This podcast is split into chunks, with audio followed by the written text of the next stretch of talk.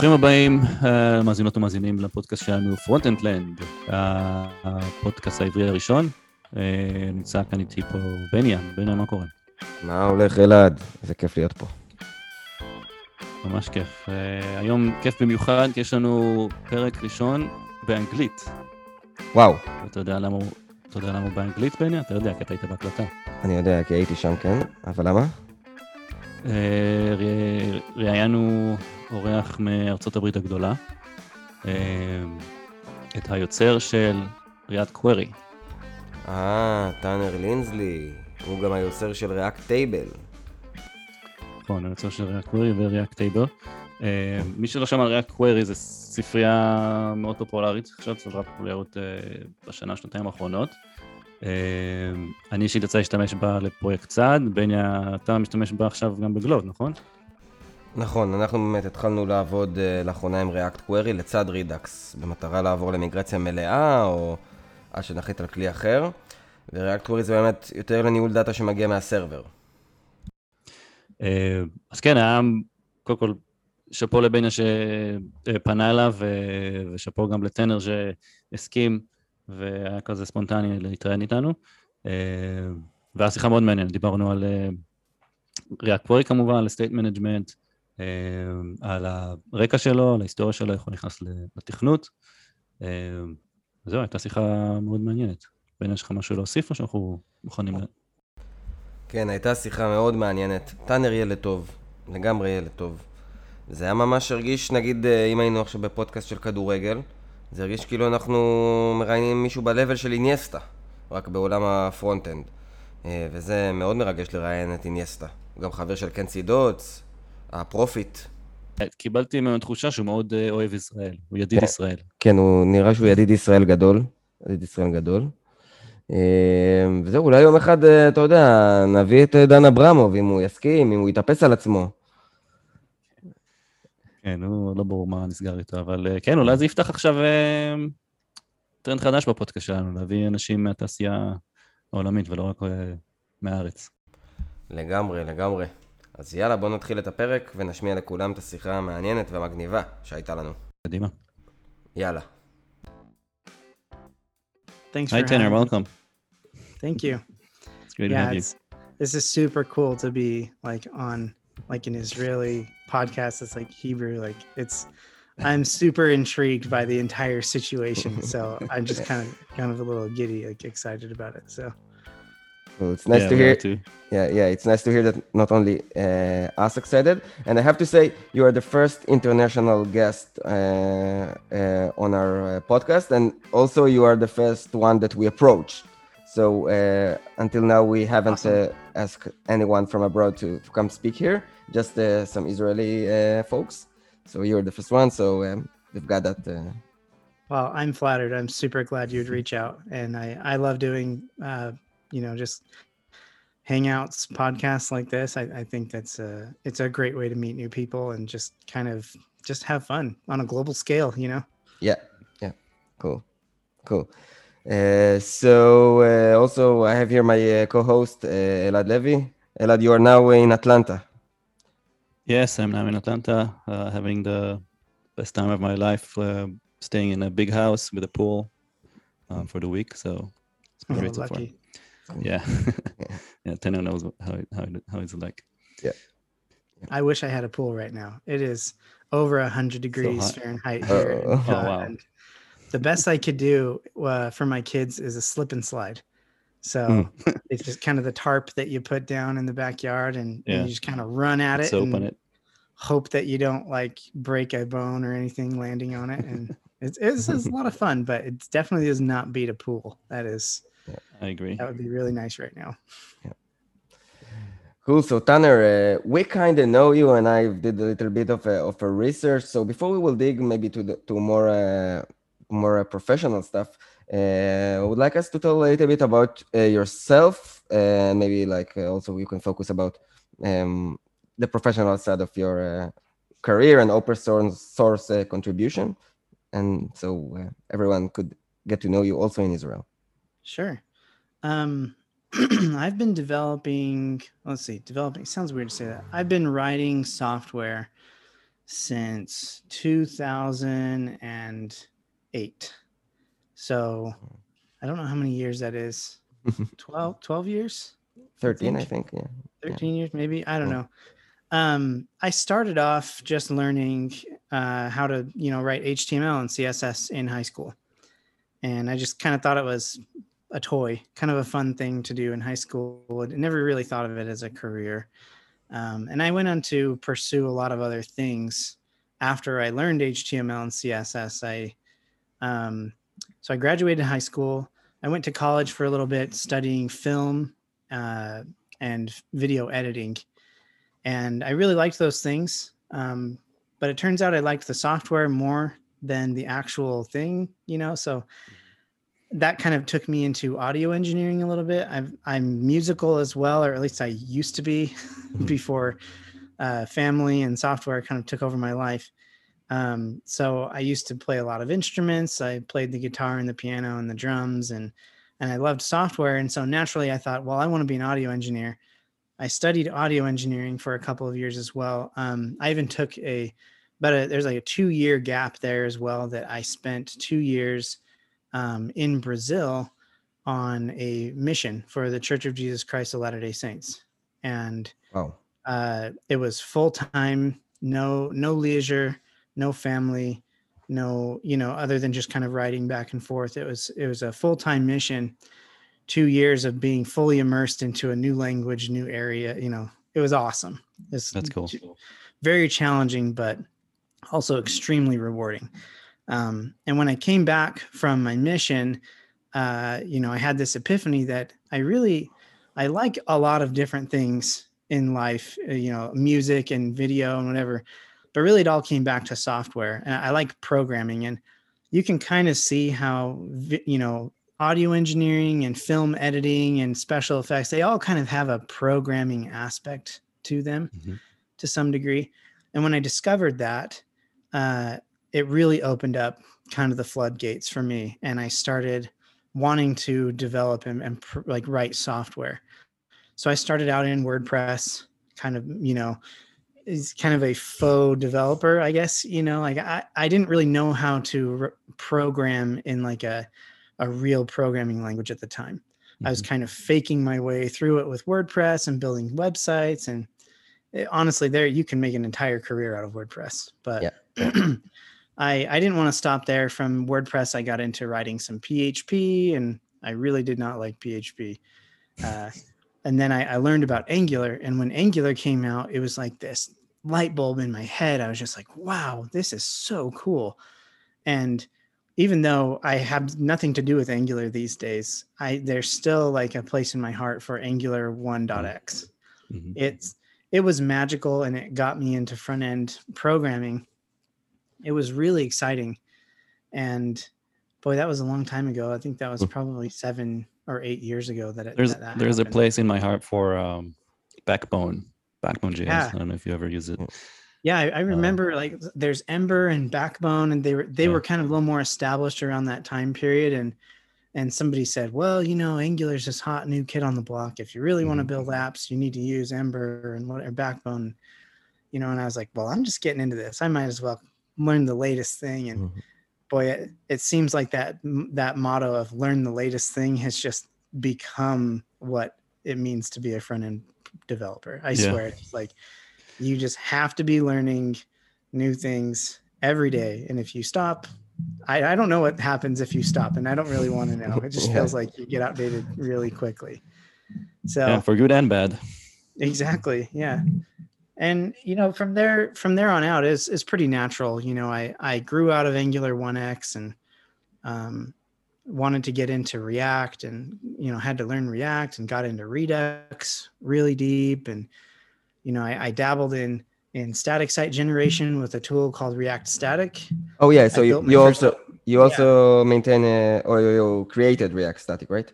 I created it i, Yeah, I do not yeah. maintain it anymore for Okay. good reason it's Yeah, yeah, we, yeah. man we could do a whole podcast on journey of react static but uh yeah I, that wasn't my first library though my first one was actually react table that kind of i really want to say is my first one right and it was a lot of fun building react table i still use it today React Static was my second library that got a little bit more of attention. And boy, I, I did not want to compete with Next.js and Gatsby like that.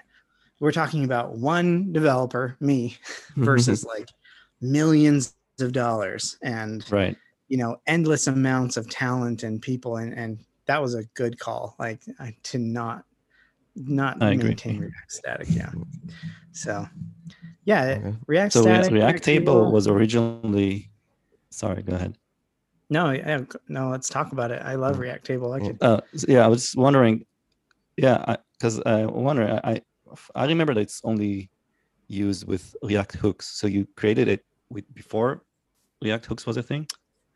yeah once upon a time i created react table version 4 or something like that i came into it after somebody else had used the package so Mhm. I had to publish a new version. And I can't remember what that version was, but once upon a time, it was just a component and it rendered everything for you. The table Wow. elements, it controlled everything. Yeah. So there it, is a certain it wasn't a- a it component like that. it wasn't headless in the first version. No, no. Oh, it okay. wasn't. Yeah. In, in fact, the term headless really hadn't even been coined that much at that point in time. You know, Yeah. it was it was more of uh like it was just like, oh, how can I invert control of props and components out to users of an API? Mhm. Everything was a component, right? Even things that are hooks today were components back then. So everything was a component and for better or worse yeah and, and, it, and it did great like there's there's definitely power in having a component that will just render all the elements for you um, Mhm. some people ask like why is react table headless now Wh- Mhm. why aren't there good things about it i'm like well yeah there were good things you know but headless has a lot other a lot of other benefits that i need more yeah, Right. Cool. I mean, I feel like in general it brings a lot more flexibility, right? You you you say, okay, this this is the API, this is the props that I provide. You can go ahead and go wild, do whatever you want with it. I I don't have anything to do with your UI. I think that's yeah liberating in a sense, no? It is, and it's a bit steeper of a learning curve. There's a little bit of Mhm. there's a little bit of a bar, um, a barrier to, of entry there, where you know with with a normal component that just does all the work for you, you kind of just drop it in and it just works, right? With React Table, there there's always going to be a little bit of work involved on your part to set up your HTML and your styles that you're gonna Mhm. actually render with the utilities of React Table. And that's kind of what gets people in the very first 15 minutes. They're kind of like, whoa, what? I I have to write my own ta- you know, I thought this was a table library. And Yeah, it's like yeah. it is. But when you kind of get rid of the when you get rid of that initial jolt that you know, I'm like, okay, uh, I'm writing a table element. Oh, okay, I'm just attaching React table onto a table structure. And then it's kind of like the it's the hand that goes inside of the glove, right? It's the magic that makes your app dance. Right. And that that I think is where all of the challenge lies. When we're talking about a table element, a table component, of course there's a lot of UI that goes into it. Um, for designing your rows and your filters and pagination, and you can have entire components dedicated to just those things. And that's the idea is that there are so many great UI libraries and approaches out there that you should be able to use whatever you want to use. And I, I don't want to have anything to do with that. Right. And I made a bad decision up front with React Table and I decided to do all of those things internally on my own. And you would not believe the amount of issues Mhm. and questions and implement, you know, and the size of the API just kept growing because somebody Right. comes to me on GitHub and they say, Hey, I need to, I need to replace the pagination. I say, Oh, okay. Well, I got to add a prop for that. You know, Mhm. oh no, I want to replace the filter. I got to add a prop for that. Right. So pretty soon there were like a hundred and twenty props on this component. And I was like, something's wrong here, you know? And, and I remember talking with Kent C. Dodds, who also lives here in Utah. He lives Hmm. about two hours south of me. And he's like, oh no, I built Downshift, and Downshift is like a Mhm. headless component. And I was like, genius. I'm going to apply Downshift to tables. So that's kind of how it came to be version seven Right. headless. But I feel like it was much harder to do that uh, before React hooks, no, to to build a headless React library? Mm, no. So it's what's interesting is some people don't know this, but I was probably about 80% done writing version 7 when React hooks came out. And it it was almost exactly the same API, but instead of a hook, it was just it was just a render prop. So you would Yeah. render Mm. Yeah. the table and then it would just give you Mm. in a child function all of the same Right, stuff you all get in props. hook today um, internally it was a little more difficult to manage things like state and memoization because Mhm. the ergonomics of use memo and use callback are are great in my opinion for like performance optimization so Mhm. it was harder to do that without hooks but the public api wouldn't really have suffered that much but when hooks came out it was like oh wow let's go and rewrite everything. I think i rewrote i rewrote my rewrite in probably just a couple days converting it over to hooks and man it was a lot better. It was smaller and seemed faster because it was easier to optimize and the api was just really nice i was like wow i'm not even rendering a component this is so cool Yeah. Cool. So, So- I, I- I think we would like to maybe Elad, uh, talk a little bit. We would love to hear more about your open source uh, project, but maybe I have some two things that I'm curious for the beginning. So first, what do you do now for for work? Where do you work, and what is your So currently i'm Yeah. working for my own startup so I, I started a company three no not three seven years ago Mhm. with uh with my two friends uh, derek perkins and joe bergevin and we they were at seo.com at the time and um, they were they wanted to build a tool for uh, tracking rankings in google where you rank where your competitors rank you know all uh, like basically reverse engineering google to Yeah. figure out why why things are the way they are in google. Mhm. and we started it seven years ago. It's been a really long journey because we're tackling some really difficult problems in the seo analytics industry that no one has really chosen to tackle yet. It's been a long road and we honestly are just barely getting started uh, with with what we actually want to build. But um, currently i'm doing all of the ui and ux at nozzle. I have one i have only one employee on the front Mhm. end uh, that works with me jake tribe he's awesome. And and then as a company we're only about 12 11 or 12 people. So Mhm. we yeah we're doing great. And man i love what i do because it is it's challenging. And a lot of the open source libraries that i build come they they've come out because of the challenges that i've i've encountered building this large application at nozzle. So uh, grateful to the problem you know it kind of sounds Mhm. weird but I'm, I'm grateful for the problems that i've encountered Nice. So how do you have the how do you manage your time? So also you are like uh, managing a startup. You are managing one employee. You have to write uh, a lot of code, I guess, on your day job because you're only two people, and you do a lot of open source stuff, which is time consuming. So how do you how do you manage it all? Um, well, I don't know. I just keep things simple. When I wake up, I go into work and I work on Nozzle. And if I encounter something in Nozzle that needs to be worked on through the perspective of my open source, I'll kind of switch gears and Mm. you know upgrade something or fix a bug that I need fixed in open source, and then publish it and come back to Nozzle and then use it. You know, like it's mostly oriented from Nozzle's perspective um, during during kind of my nine to five, and then obviously startups take up way more time than just nine to five. But there there are you know a few hours in the week where I have a little bit of downtime, and that's kind of when I I split that time you know between my family and between my hobbies, and my hobbies basically just open source software. So.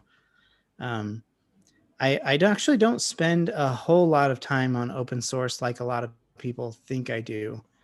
Um, honestly, a lot of my work in open source, the the ideas that I have are baking in my brain for quite a long time, either while I'm working on something at Nozzle or just kind of on the side. And I don't really like to sit down and write a lot of that code until I have a lot of the big picture finished in my brain. And that's why, you know, React charts kind of came together over a weekend. Um, and React table I wrote in just a couple of days, and and React query took, you know, a little less than a week to get the first version out. Right. Obviously, there's way more time that goes into the f- finished products, but the initial pushes for these projects really happen really fast. Um, and I think that can come across as like, where did you get the time to to build React query? You know, it's like, well, really, it didn't take too long to actually code it took a lot longer to plan it and design it than it yeah. actually took to code it. And you can you can kind of do that in your spare time and yeah. Know. I, I can totally relate to that um, approach of like you work on a big project or you work on uh, you know on a project for a while and uh, I mean you sometimes you, I mean a lot of many times you just build your own solutions right I mean you build your own um, um, logic for like managing state or you build your own uh, I don't know uh, library to handle tables, for example, and then um, becomes you because you become so expert in your in the use cases, you you you, you say, okay, it works so good in my my project. Why um, why can't I just make it uh, open source, right? And mm-hmm. I, I, I always get this feeling. I um, when I work on my projects, I I always have this uh, I don't know utility or library that I implemented for this specific project, and I have this feeling of like, damn, this could be a good open source project, but I never find so the the 20% that you need to invest to make it open source and like you know formalize it with like a you know api that makes sense to many people not just to your project to me that feels like the the, the hard part of like uh, encapsulating the your solution to be generic enough so you can open source it.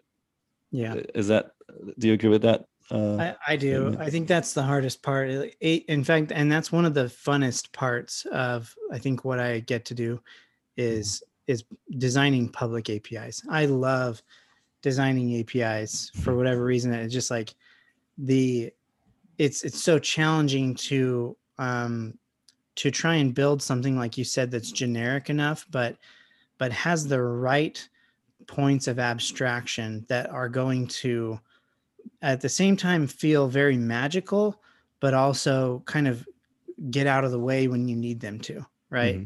And I, I think people feel that with React Query. I I really tried to make React Query feel that way that in in one line you can experience the magic of React Query, right?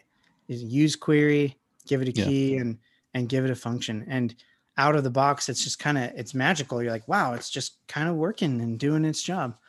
Um, but the deeper you get into React Query, the more you realize that you can configure everything about it. You can have, you know, 50 line hooks that are just configuring your React query exactly how you want it. Um, but you don't have to. That's and I think that is the beauty of a of trying to design an API that can, you know, go from left to right on the spectrum of you know, this is super magical and succinct to, wow, I'm a power user and I can extract all of the benefits out of this library that I can. It's really hard to do. I, in the beginning, I think it's difficult. The more that I've built open source libraries, though, the more that I'm approaching my problems that way in everything that I write. So even in Nozzle, when I have a hmm. new, a new need or a new utility, I kind of like make a new folder for it and you know it's got an index.js and kind of a name and I try and keep all the utilities that I use inside there kind of isolated and I'll share some things between my app, you know, between all the applications that are like generic utilities and stuff. But for the most part, I like to, if it's a big piece, I like to kind of mm-hmm. isolate it.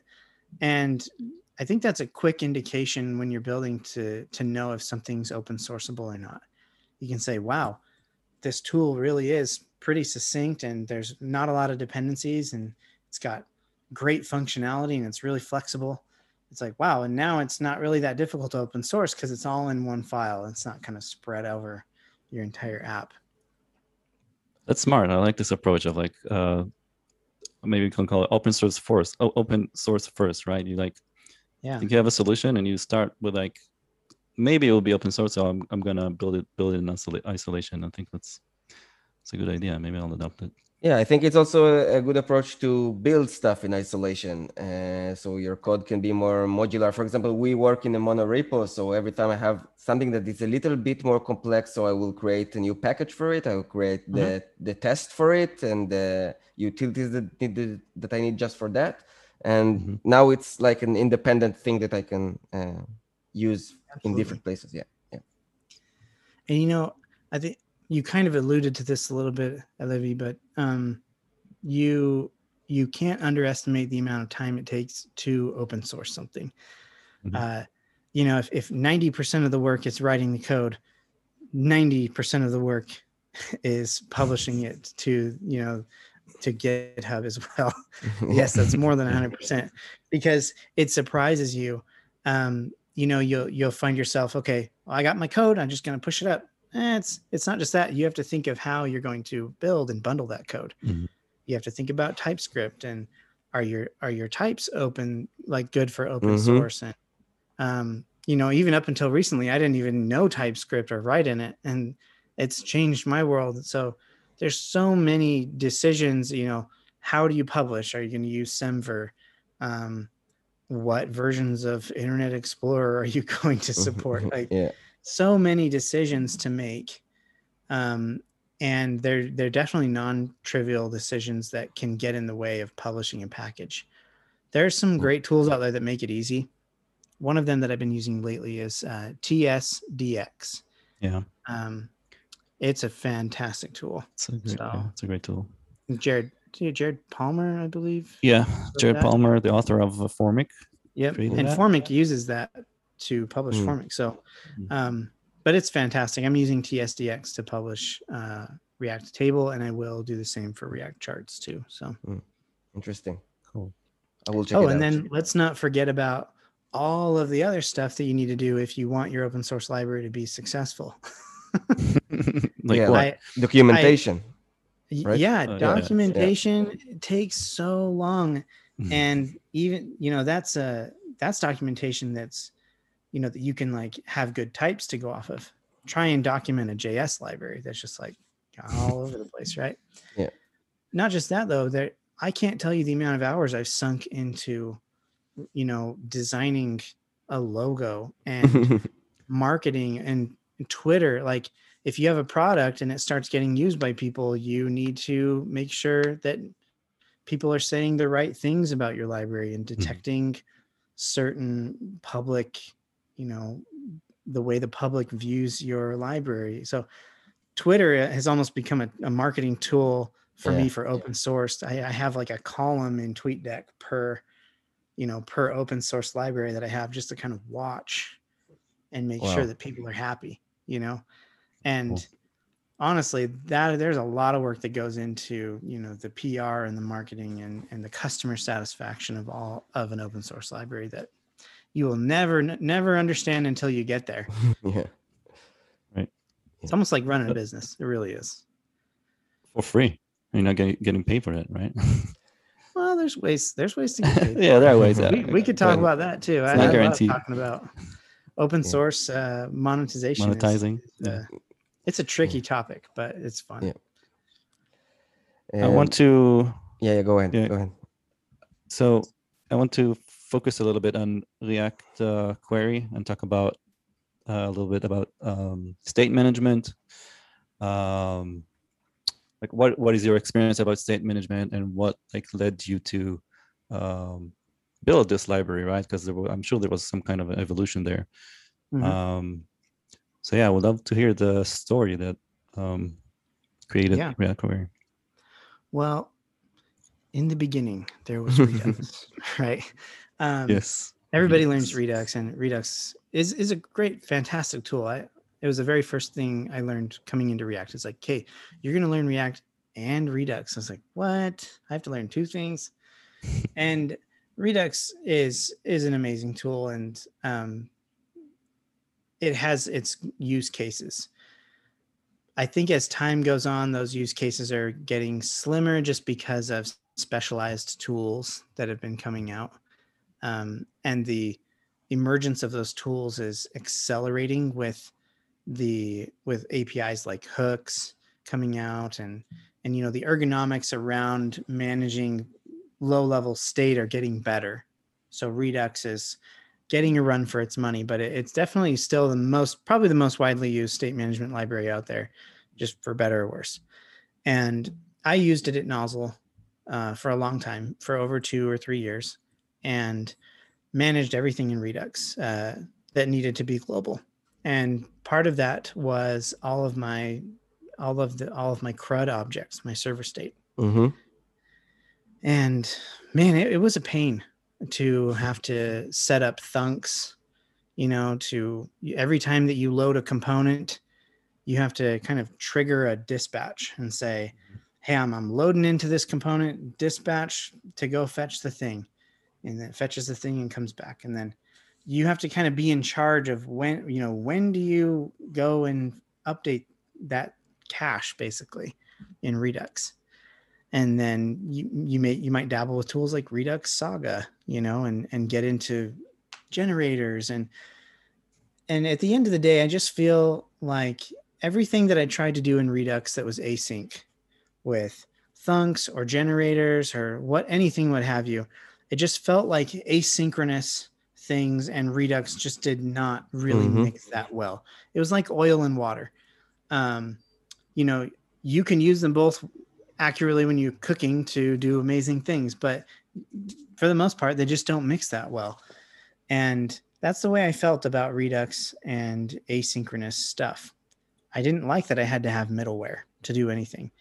And kind of getting at all, all that state using the redux api was kind of monotonous. I you know you have connectors everywhere and selectors everywhere. Mhm. Mm-hmm. oh my goodness the selectors. They, and they just get out of hand. But really, it honestly wasn't that bad doing it with Redux until you got into the life cycle of your data, right? It all came down to when are you updating your cache and how often are you updating it? And what is the amount of work that you have to put in to get those updates, right? And I, I started creating components before hooks even came out i started creating headless components that would essentially have selectors and dispatchers and Mm-hmm. all of the logic that that was needed to fetch the data and kind of generally keep it up to date in redux and then just supply it to me in a render prop with is loading error and data right sound familiar Mm-hmm. Mm-hmm. and and I was like, oh, this is this isn't that bad, right? And then uh, hooks came out, and I was like, oh, well, I can kind of reduce this down. And so I went through and rewrote all of my kind of data components, as I called them, into hooks, and hit a bunch of walls there because Redux wasn't hook ready yet, and some Yeah. people had kind of hacked around it, and so finally I was like, well, I'm not going to wait around, you know, for Redux to kind of mature into hooks and um, it can't be that hard to write my own data store so i started writing a redux kind of a replacement that was going to be hook friendly and really lightweight and learned how difficult it is to write something like redux first of all Mhm. but as I started doing this, I, I thought, well, I don't need to write a data store that's going to be used for synchronous purposes. I'm not, I don't need that. I have Redux and it works for that. Mm-hmm. I just need it to work for asynchronous. So I, instead of rewriting Redux, I wrote a custom store that was just built to cache asynchronous stuff. The, the entire life cycle was just built around asynchrony and I needed keys. So I, I used keys, just kind of string keys at first to uh, make my data unique. And I, Mhm. at first, there's just two levels. There was a string of a family and a string of like a, an ID, you know, and basically had all my crud doing that. And I, I built this internally, and I was like, this is a really good pattern. This is really cool, and this store is is actually a pretty good experience and I got it to work with hooks, and it looked very similar to what React Query looks like today. It was like use data or use CRUD, and it had the key, and then it just had the function that would kind of go and it was like the thunk, you know, that would go and fetch my data. And So it- the, the store that you implemented you you built it from from scratch. Yeah. You built so you didn't use um, context or anything like that. Um, at first, I tried context, and then you know I ran into the same problem that Redux ran into that I needed root Mhm. or I needed uh, leaf components to update when Right. things needed update. So I ended up copying the the subscription pattern that kind of lives inside of Redux today. It's similar but not exactly the same. You know, lower components just kind of subscribe to uh, a singleton lifecycle subscription service outside of React, and when Mhm. you know it just kind of mass updates components depending on which keys they have and whether they need to update. So it was very rudimentary in the beginning. And um, yeah i wrote this i wrote these hooks and it just transformed the way i was writing. I just no longer had to think about anything redux. And then i started learning about custom hooks. So i started putting all that into custom hooks. And now i just had these one hook that i could call anywhere in my application to get something. And it it was it was really dumb at first. It, it didn't do all the tricky background fetching. It's just like kind of when the component mounts fetch the thing. And if the component remounts fetch the thing. And i had to still manually refetch.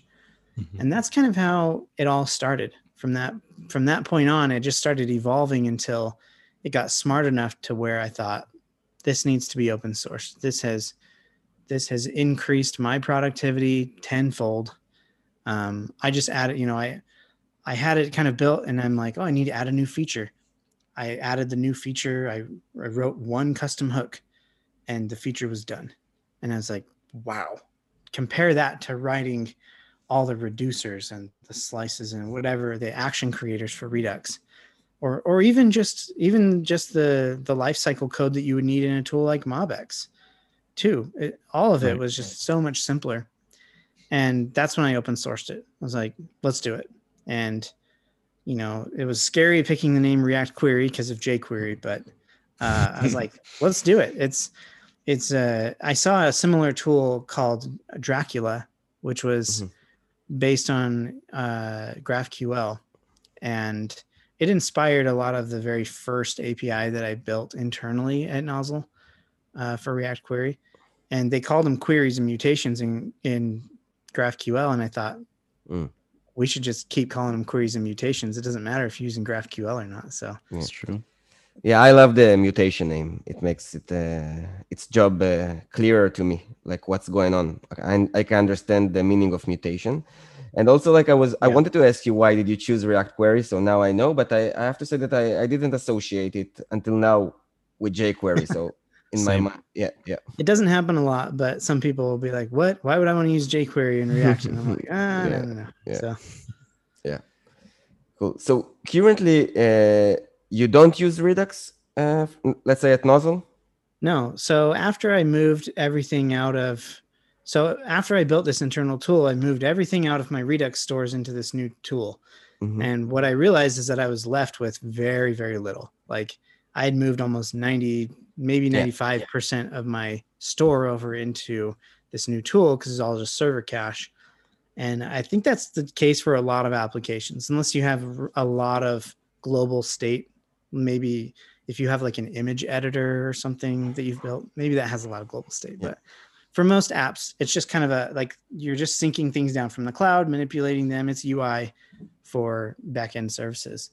So I, I figured it'd be the case, same case for a lot of people, uh, that they'll probably move most of their stuff into React Query and be left with a few things. And I kept Redux around for a little while, you know, to manage like what's my theme mode, light or dark, and is the sidebar maximized or not? And uh, you know, truly global things like is there a modal open? Am I showing toasts? How many toasts am I showing? Right. Yeah, yeah. So Yeah. global client only state, yeah, still lived in Redux for a long time. And as hooks matured, I started writing my own versions of global state managers too. So I, re- I replaced it with my own version that was just hooks. And then I want it's it's really easy to swap out solutions. So it's been through a lot of different tools just to try them out. Yes. So I've used my own internal stuff. Uh, I've swapped it out to that. I swapped it out to Zustand for a little bit Mhm, mhm. um, from the Poimandres Poimandres team, Daishi has uh, written some great tools over there, and Zustand is one of them. I'm currently trying out Jotai. I'm going to move Never heard of it. everything over to Jotai, which is atom based. If you're familiar with tools like Recoil or Yeah, uh, Jotai is really fun. that's cool. So it's such a small amount of state that I'm just kind of trying out Yeah. different paradigms here Yeah. and there. Uh, it really hasn't Yeah. mattered what I use because every, at the end of the day, it just comes down to a hook that I am calling somewhere. Yeah. And Yeah. most of my state, my global state in nozzle is abstracted into custom hooks anyway. So I'm not calling use Zustand everywhere. You know, I'm Okay. I'm calling you wrap it. use i'm calling use theme mode and i have its own api and under the hood it's using some type of tool and i can swap that out Yeah. as i please and, and not really break anything in the app so Nice. So it was easy to swap because it was uh, small and, and clear, or do you also like have a test tests that help you with that? Um, it was small and, and clear. Most of the if i think a lot of global state for most applications is probably not that Yeah, yeah, not that complex. You know it's it's mostly just a bunch of getters and setters for things that you need ac- global access to across your application as opposed to really complex state states that i you know we could also talk about uh, XState which is another great tool completely separate use case i think like XState is super valuable for when you're actually building uh, state machines that are, are more complex than just set and get right? Um, one that i have is like a date Oh, yeah, I picker. I have a multi, i have a multi-date range picker. That's a lot. So you Mhm. can pick multiple date ranges in this picker Wow. and it, it uses it doesn't use XState but it uses a kind of a microscopic version of it that i tried building my own and but it's a it's a it's a state machine hook and Yeah. Yeah, I remember Wow. seeing a blog post about it. I think it was last year, a couple years ago. Um, it seemed very cool. I couldn't find like a opportunity to use it, but um, it looks like it can really simplify your like some of your you know complex um, state flows that you have in the app. Yeah anything that has a really complex state flow XState's gonna probably save you a lot of tears later on Yeah. And- You um, sorry, Benny, go ahead. Yeah, so I wanted to to ask maybe maybe I will start even by saying like uh, to our uh, listeners that uh, are not familiar yet with React Query that React Query is is like a server uh, how do you call it server uh, a library to handle your server state. Um, and you say that, that uh, you mentioned like in all of your talks and even in the documentation of React Query that you should use other tools like Redux or custom hooks or other state management libraries to handle your your UI state, which is, as you mentioned, what theme am I using or if the sidebar is open or closed. Um, so what I, I'm, we're at Gloat, we just in, uh, introduced React Query like uh, a month or two, uh, or two months ago in, in two new features in two of our products. And one of the things that I was intrigued about is, is like, okay, so today, before React Query, I had the Redux store and I had like a Redux folder. I, I could call it also like server data folder. And there I had all my reducers and my actions and everything that relates to server state. Um, so I, I was curious if, if to me it made sense to put all of uh, my React query stuff in a new, let's say React query folder or React or server uh, state folder, and there to put all of my hooks instead of in a hooks folder because it's it's it's like it seems like a small thing, but it's more conceptual. What what do you think about Yeah. that? I think it's a great idea. Anything that helps you organize better. I I have all of my uh, React Query hooks, my custom hook wrappers around React Query. They're all in a separate folder um, called you know queries or something like that. I, I can't Mhm. remember. It's uh, you know, and there's there's a file there's a file per asset really. So I have a file for teams, a file for workspaces, a file for users, and all of the hooks that I need that wrap React Query are inside of there. Um, so the the teams file is exporting use teams, and it's also exporting use team in the singular Mhm. form. Mm-hmm. and it, it exports the use update team mutation and use create team mutation as well. So you kind of keep it all together. It's still very Yeah, CRUD yeah. based. Yeah. you know, yeah. you kind of yeah. keep things together that change together, and it's worked out really well for me. Uh, it's really fun if you if you have a pattern where you you have Redux all your Redux stuff in one folder, and you migrate it to React Query. It's fun to see the the comparison Mm-hmm. Exactly. between the the size of that folder as it shrinks down to usually to a much smaller size. Yeah. On that note, uh, I think you mentioned it earlier. I feel like now the the trend is to so you said that Re- Re- Redux is very uh, we can call it low level, right? If that is really is, is that if that's Mhm. what low level really is. But for front end Yeah. development, that's considered low level. And I feel like now there's a trend, uh, and I think your library is leading leading that trend of like state management is hard, right? Um, we t- for for for most cases, front end engineers don't need to write the state logic from scratch or like write those repetitive patterns of CRUD patterns or RESTful APIs state patterns themselves. So it seems like there are many libraries today. Um, React is, is one of them that uh, do that for us, right? So we have React we have Apollo. Um, Redux Toolkit released a new library to do that for you as well. Mhm. And um, I feel like this trend makes a lot of sense, right? Because we're spending, I personally, I spent so much time in building and rebuilding um, Redux logic for, um, you know, the, the, the, the most common use cases.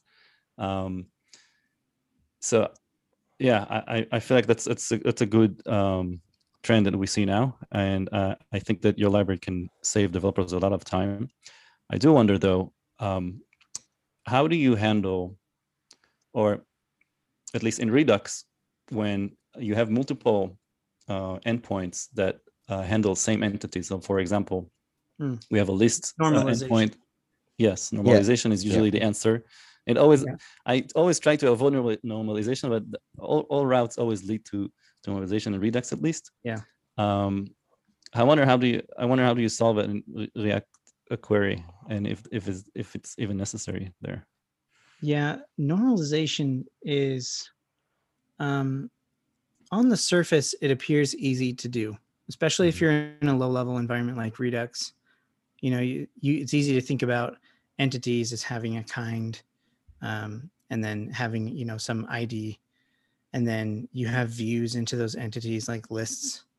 Uh, it's definitely possible. And tools like Apollo come and urql come built in with normalization that is, is really, really good. But one of the reasons that that normalization is good in those tools is because they are piggybacking on GraphQL. And GraphQL is a tool that is really the superpower behind normalization and these these tools like urql and, and Apollo.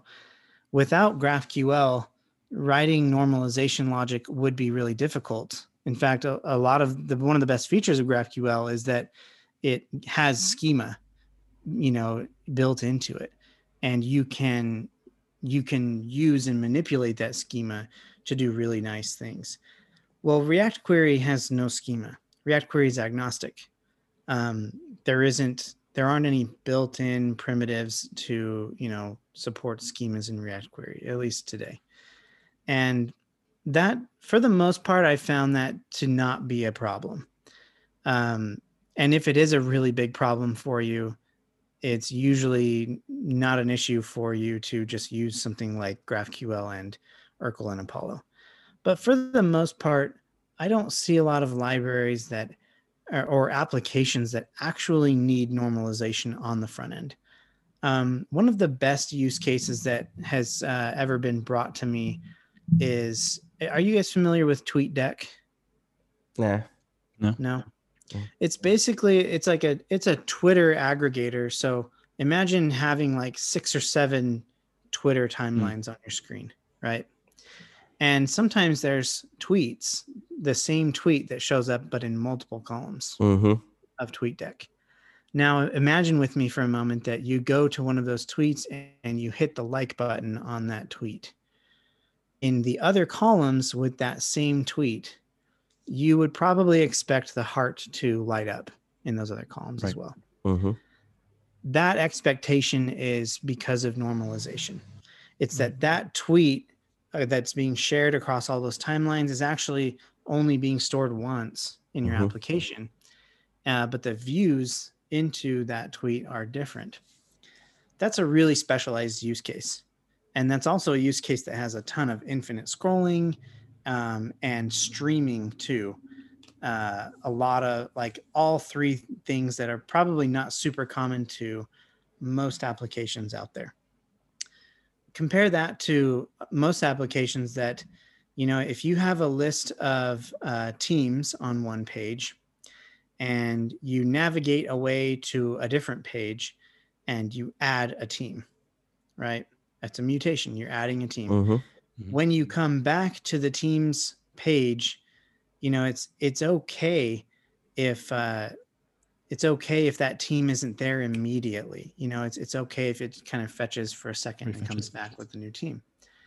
But if you wanted to add that team that's also not too difficult to do with react query.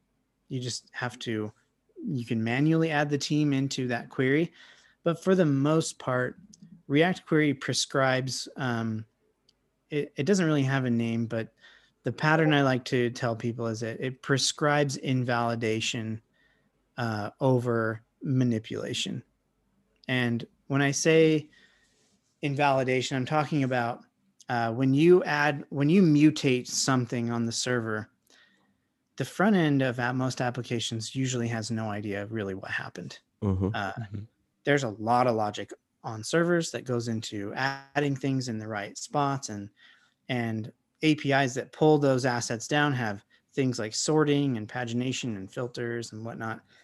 In reality, it's very difficult for you to know exactly where a new team or a new user is going to show up in a list on your site unless you duplicate all of the sorting, all of the filtering, and you know all of the logic that was probably on your server you duplicate that in your front end and Mm-hmm. you would probably know exactly where that goes.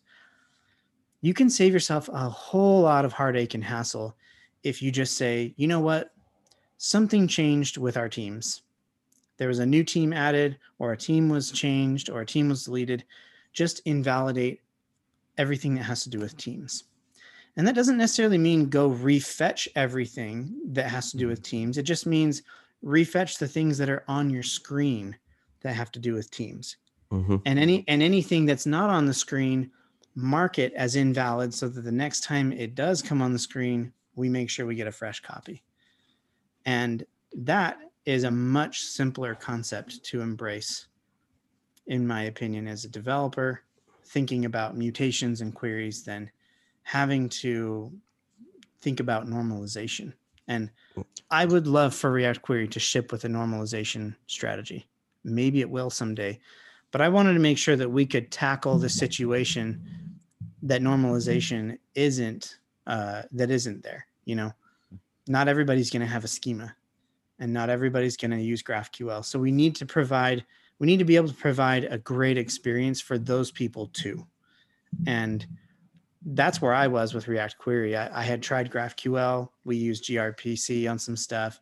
At the end of the day, it just comes down to REST. Everybody knows REST and uses REST even if you have a GraphQL API, you're probably interacting with a REST API somewhere in your application. Yeah. So I wanted it to be a great experience for those people too. That's interesting. Um, that's cool. Uh, so, so you're saying React Query might support normalization in the future, but um, right now, um, it's not a high priority because for most cases you don't need normalization. Yeah, we we've looked into it. Uh, me and some great minds that are working on React Query with me now. We've looked into normalization and what it would take to support it. It, it would essentially mean uh, writing some type of schema schema syntax or schema language or API that is agnostic enough to be able to either be built up manually for REST endpoints or integrate into something like uh, JSON API or Open Open API spec or something like GraphQL. So it's a it's a lot of work to implement that normalization strategy and have it be really good. In fact, I hear that's one of the reasons why people coming from Apollo actually like React Query better is because the normalization strategies in Apollo are sometimes not perfect. And when something works most of the time, but not all the time, that can almost be more enraging than having it not work at all, you know? Yeah, I agree. Yeah.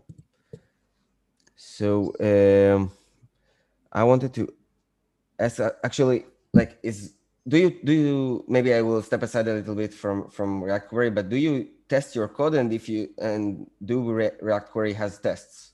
Is it something Yeah. that is that is important to you? Yeah, React Query has tests. Uh, for my He's open friends source with library, uh, Kent C. Dodds. He yeah, has to, you're you're uh, can yeah yeah yeah. he has to test his. Yeah. Uh, for open source libraries, I think testing is super important. React Query has a lot of tests. Um, React Table is going to have just as many, and React Charts. Well, I, I don't know. We'll see about React Charts, but Okay. as much as I can test, I, I do I like reliability and I like consistency and confidence in being able to ship code. So I write the tests that will give me that confidence. And yes, I do use React testing library because it's a great tool. Mhm. I also use React hooks testing library to test some of my headless stuff as well. Yeah, yeah. Uh, yeah, write tests for the mission critical parts of your application. I think writing tests is a great idea. Just don't. It's as I hope I'm doing Kent an honor or a service here by saying, you know, write write tests, not too many. Uh, Mostly Mostly integration. integration. Yeah. mostly integration and and the ones that are going to offer you the most confidence for the least amount of work So, yeah. so mic drop. Yeah. for, and and to con to put that into perspective i don't have a single test written for a ui component in nozzle's application i have some Mhm. tests written for business logic and uh, some crud logic api communication but for ui components uh, at least today that it's probably going to change really soon but i've come this far and i haven't i haven't written any ui component tests for nozzle So no, Shame, no, shame. not yeah, not even like flow test, like to check that login uh, works or like some button uh, does its job.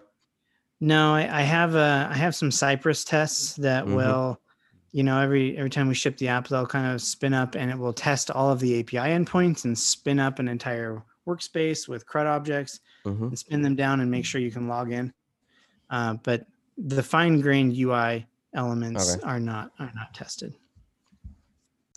Cool. So maybe I have something that also is a bit unrelated to React Query, but you you don't have a degree in computer science, right? If I got it right. No, I don't. Yeah. Okay. okay. Me too. Me too. Elad has one, so shame on him. Oh, Um, actually, good for you.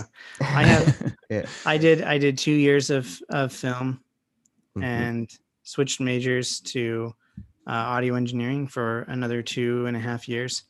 And then I actually did study software engineering at, uh, at a university here in Utah for another year and a half, two years. Um, by that time, I had run out of money and I was not about to go into debt for a degree in software engineering, especially when there were loads of companies who were asking me to come work full time for them, and I wasn't even done with college, you know, and and the prospects were great. Unfortunately, I, I succumbed to the reality of of money, and I, I got a job full time. Mm. Eventually, started uh, our company Nozzle, and you know the rest is is history. So, I I've made it a point to make sure that I'm you know always educating myself. Uh, you know, it's- school the school is not education. Um, they're very they're very different things. School helps you with education, right? Um, but you very much need to be in control of your own education, regardless of whether you're in school or not. And I may I have made sure that I'm trying to always learn as much as I can, especially with things that I probably missed out on uh, programming principles, uh, you know, data structures and algorithms, and uh, you know, lots of things that you would learn in school that uh, that you might not think are important, um, but then you you get into software engineering and and they are. So Yeah. it's I gotta tell you, when- you learn these things in more in, in context, you, you're much more motivated and you understand the material better. So I think Yeah. this strategy is is better to learn. If I if I had learned about normalized normalized data structures in class, I probably really wouldn't have cared. But you know, when it came when it came to finding out if we could write normalization for React query, I'm all over it. You know, it's like that's, exactly. let's find out as much as we can. yeah I think um, most of like our listeners are divided to a couple of groups. So one big group is is like uh, senior developers that likes to hear us uh, talk about like advanced stuff, like some of the stuff we talked today. But we I also get like lots of responses from junior developers, mostly uh, on LinkedIn and Facebook. Uh, I get some. Uh, uh, private messages and i think it, it can be really motivating to see that like uh, even someone not from Israel, which is like pretty known in the JavaScript community, has got to where where he is like without a software engineering degree. It's still hard to believe for some people. So I think it, it, uh, that's why I ask you, so people like could uh, uh, see the, the the example um, of someone like you. Yeah, I, I think one of the most important things is to remember to put yourself uh, into challenging problems. Yeah. Um, that they're going to help you grow the most. Make make sure you're in a safe position to tackle those problems. Obviously, you shouldn't go into debt or put your family at risk to to try and solve a really really difficult problem. But um, putting you know putting yourself in positions to solve and do difficult things uh, is what's going to really help you grow. And obviously, reading and learning from everyone else in, in the community as well. Just taking in as much information as you can. Yeah. That's awesome. I, I definitely wouldn't be who I am today without the struggles that we have Mhm. experienced in Nozzle. You know, I, I was not the developer I am today, even two or three years ago. Uh, and it's because of the difficult challenges that we've had that, you know, that mold you into who you are. So, Yeah, I think it's also like you face you've been in Nozzle for like seven years. You, you mentioned before. Mhm. Yeah, so I think it's it's also like gives you a different kind of challenge than ho- like uh, switching jobs every now and then because because you know the business for so, for for so long and you know the code and you know the the business logic, so you can like focus on learning other things or new things or challenging the same problems in different ways. I experience it now at Gloat. I'm four years at Gloat, and I can like focus. I don't have new challenges, or I don't do like very different stuff from what I'm doing in my day-to-day job. But I can like uh, that, dig deep into the same problems. Uh, right, right. Because I, I don't have the other stuff in mind. I know the business. I know like the code. So Yeah. Yeah. Yep. Totally. Right. You want to wrap up, Nir? Uh, yeah, yeah. I think I just want to mention that um, Yeah. there was a, a word that I wanted to say about Rea- React Query that it kind of uh, uh, it was kind of uh, I don't know how to say it enlightening or it was kind of revolutionized uh, because you don't uh, every day see a library. You see many libraries that help you and make your life easier, but not so many libraries that make you think differently about like how you do stuff. So I think that, that that's what I like the most about uh, React Query. Yeah, that's Yeah. that's good. That was one of the goals is to help people Yeah. think differently too about about their state. Yeah. So Yeah, I agree. It simplifies. Uh, I mean, it just does a lot of work for you, right? I mean, Yeah. it saves a lot of The- time. saves lots of the work. paradigm shift is encoded into the library if, if you think about it. So Yeah. Yeah. Nice, nice. Cool. Tanner, um, so just to wrap up, so where can people find you? How do they, uh, how can we follow you? Uh, what's your, um, uh, I spend a lot of time on Twitter, Tanner Linsley at Tanner Linsley. You can find me there. Um, you can find me at nozzle. nozzle.io is my startup's website. Uh, GitHub slash Tanner Linsley. It's always the same, just Tanner Linsley. and uh, Uh, I also spend a good amount of time on my Discord server, and uh, it's the it's a tan it's called the Tan Stack. So I have a website called tanstack.com where you can find links to all my open source projects. You can actually chat with me on there and um, kind of join the Discord server. You can do a lot of things on there. Um, if uh, let's see, if you if you want to learn about React Query, you should go read the docs. If you want to learn even more, I have a course called React Query Essentials, and I actually offer um, a purchase power parity discount um, for Israel. So if Mhm. you if you're interested and you want that discount, you just have to DM me on Tanstack Discord, and I will shoot you the code. Um, Cool.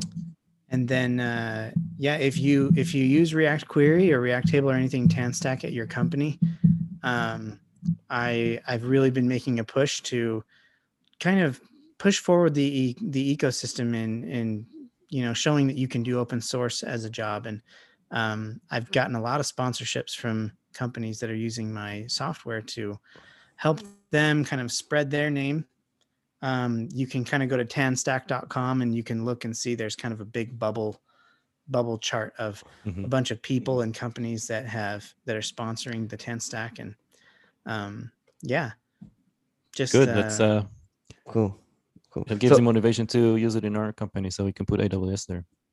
yeah. Yeah, and in fact, I, I know that uh, there are other teams in AWS that use React Query as well. Yeah. You probably don't even know about them, but uh, Yeah, I'm sure there. I are, would love actually. I would love to have AWS as a sponsor. You know, actually, it's it's pretty difficult to get bigger companies to sponsor Yeah, yeah. AWS, but uh, yeah, lots of work to be done in in the open source uh, monetization and uh, sus- sustainability area. So. Cool. So if I want Gloat logo to appear on uh, uh, React Queries uh, GitHub page, I can sponsor you, or it's just a text Tanstack. Um, it, it's all automatic actually. If you Mm, go okay. to github.com slash sponsors slash Tanner Linsley. So you you do it through GitHub sponsors. Okay. And as soon as you do that, uh, your bubble shows up onto the stack. And there's a lot of other cool perks too that come with being a sponsor. I give away some free licenses, and uh, you, uh, if you if you go big enough, you can actually get free consultation hours. So Mm, nice. really, Nice. just kind of whatever you need to be happy. I'm I'm willing to supply.